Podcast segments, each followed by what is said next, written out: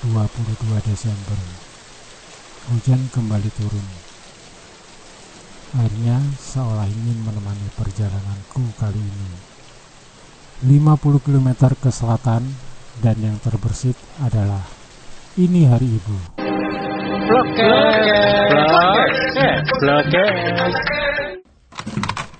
Nama saya Rahman.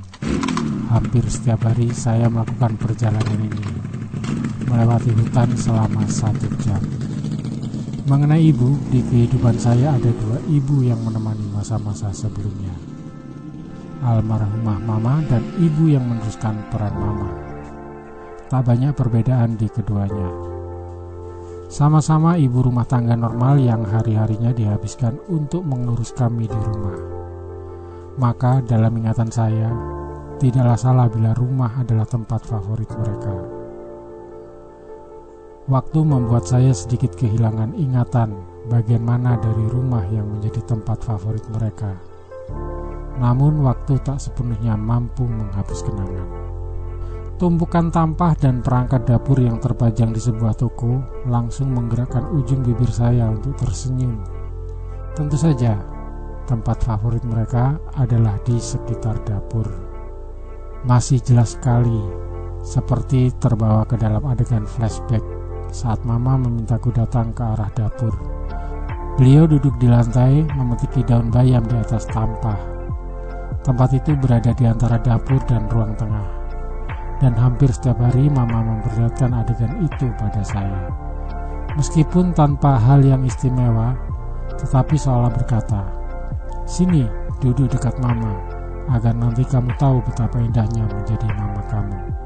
Dapur sepertinya juga menjadi tempat favorit bagi ibu saya berikutnya. Bahkan saat ini betapa saya rindu suara ramai dari dapur yang terkadang membangunkan saya di pagi hari. Yang kini bayangan suaranya bagaikan alarm paling merdu yang pernah terdengar. Satu lagi, ada satu tempat yang sering saya lihat dulu. Tempat di mana mama acap kali berada setelah maghrib. Di ruang tamu Tepatnya di salah satu sudutnya, di mana sebuah kursi goyang berada. Seusai maghrib, Mama sering kali duduk di kursi goyang itu, masih bermukena. Tak lama memang Mama duduk di kursi goyang itu. Saya tak pernah diajak untuk duduk di situ, karena kursi goyang itu adalah tempat untuk papa saya. Mama segera beranjak saat tahu papa datang. Mama duduk di situ untuk memastikan tak ada yang rusak agar papa sepulang dari masjid dapat duduk dengan nyaman.